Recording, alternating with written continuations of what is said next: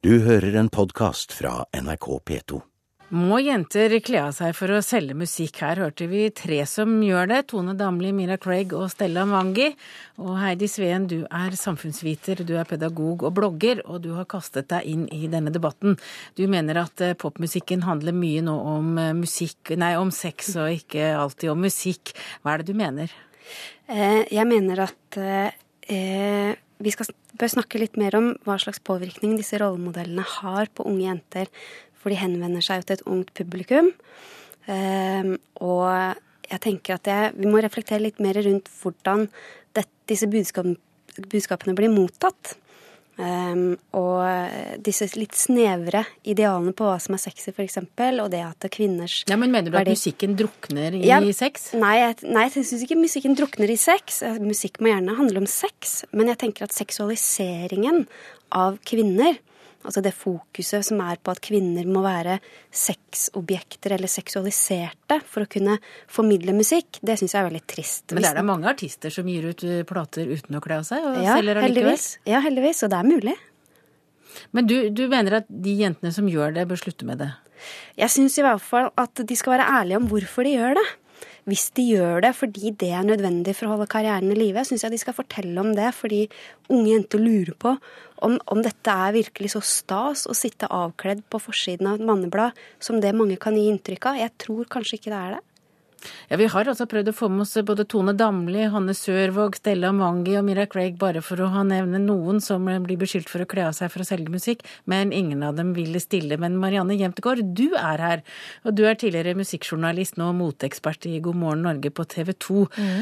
Og ja, er bransjen og norske artister så sexfiksert som, eh, som Sveen her skal ha det til? Altså Internasjonalt sett så syns jeg så er jo popbransjen veldig stor grad drevet av et sexfokus og sånn har det jo vært egentlig siden tidenes morgen, siden Elvis vrikka med hoftene. Eh, I Norge syns jeg tvert imot at vi er ganske edruelige når Men det kommer til sex. Men da vi prøvde å tenke oss en mannlig artist som prøvde å selge musikken sin med å kle av seg, så fant vi det ble veldig stille. Alexander Rybak i forrige uke. Den nye videoen hans hvor han hopper rundt omkring med englevinger og bar, eh, baris eh, på et hotellrom. og Veldig soveromsblikk der, altså. Så um, det finnes, men i Norge også som gjør det.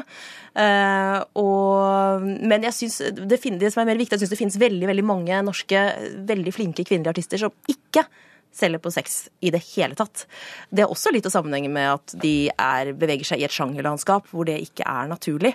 Mens f.eks. For, for en artist som Tone Damli Aaberge, som beveger seg mer i en tradisjonell amerikansk, litt glossy eh, nesten si puppepop-tradisjon, så er det mer naturlig enn det er for f.eks. Ingrid Olava eller Susanne Sundfør eller andre artister som også får masse medieoppmerksomhet uten å være på forsiden av et mannemagasin. Men man kan jo lure på om hun bare ikke stoler på at musikken når langt nok, og at uh, man bruker kroppen også? Eller om andre ikke stoler på at den når langt nok. Ja, For du tror ikke at det er jentene sjøl? Uh, nei, men Det er jo selvfølgelig en blanding. Altså sånn man, man, jeg tror ingen blir tvunget uh, inn i popbransjen i Norge og tvunget til å bli popstjerne. Uh, men det er klart at man er en del av et stort maskineri som er plateselskap og management, og som skal, alle skal tjene penger på deg.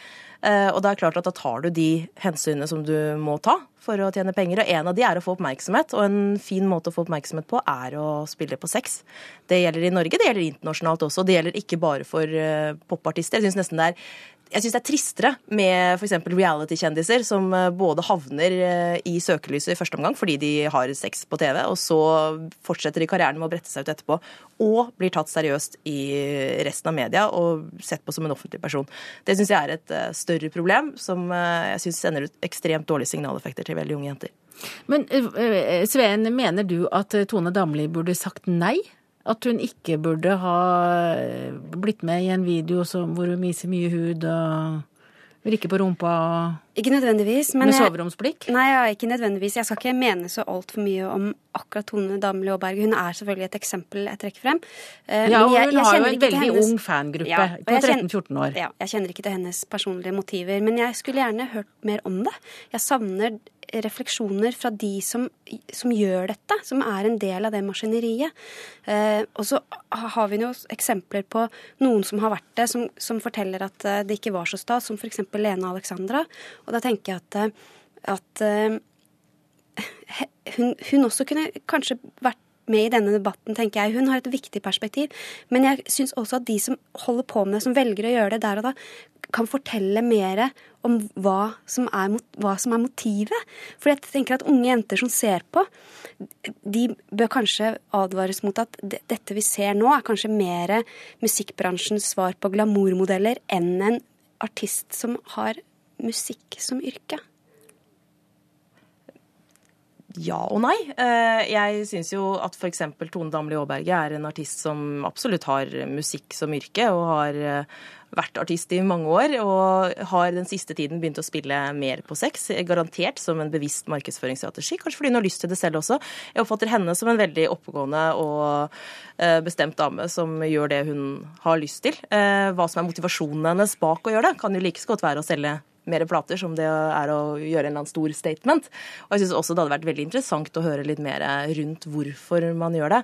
Men, men det er de jo spurt om, og de sier men hvorfor ikke? Altså, de trener jo fem dager i uka, og de spiser bare salatblader. Det er ikke rart de har lyst til å vise fram uh, hvor pene og veltrente de er. Nei, og det ja. syns jeg det er veldig viktig at, at, unge jenter vet, at for å ha det imaget som de har, så ofrer de også alt annet. Det er det som er jobben deres, faktisk, å se så i gåseøyne perfekte ut, da. Ja, det ofrer også troverdighet. fordi det blir jo stilt spørsmål troverdighet? Hva, hva slags troverdighet ved, ved en låt som 'Butterflies'? Altså, det handler jo ikke om å ha troverdighet for å kunne levere en sånn type poplåt.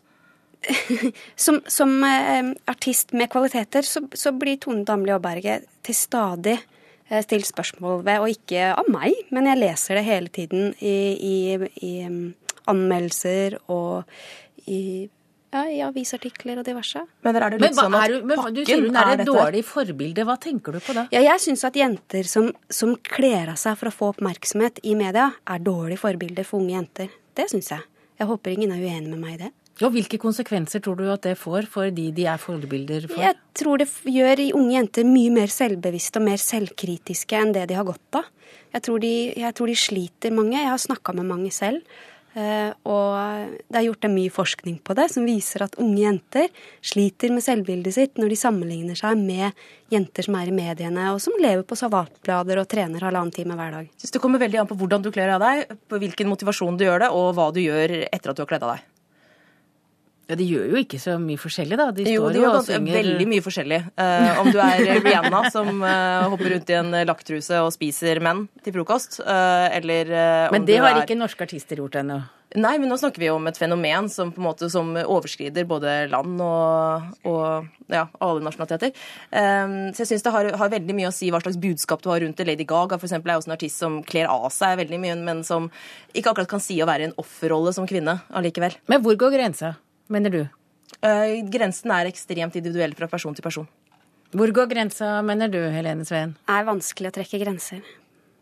Ja, Vi fant iallfall ikke ut hvor grensa går, men eh, vi har prøvd å sette spørsmålet om jenter som kler av seg for å selge plater, under debatt. Takk til deg, Heidi Sveen, samfunnsviter, pedagog og blogger, og Marianne Jemtegård, moteekspert i God morgen Norge på TV 2. Du har hørt en podkast fra NRK P2.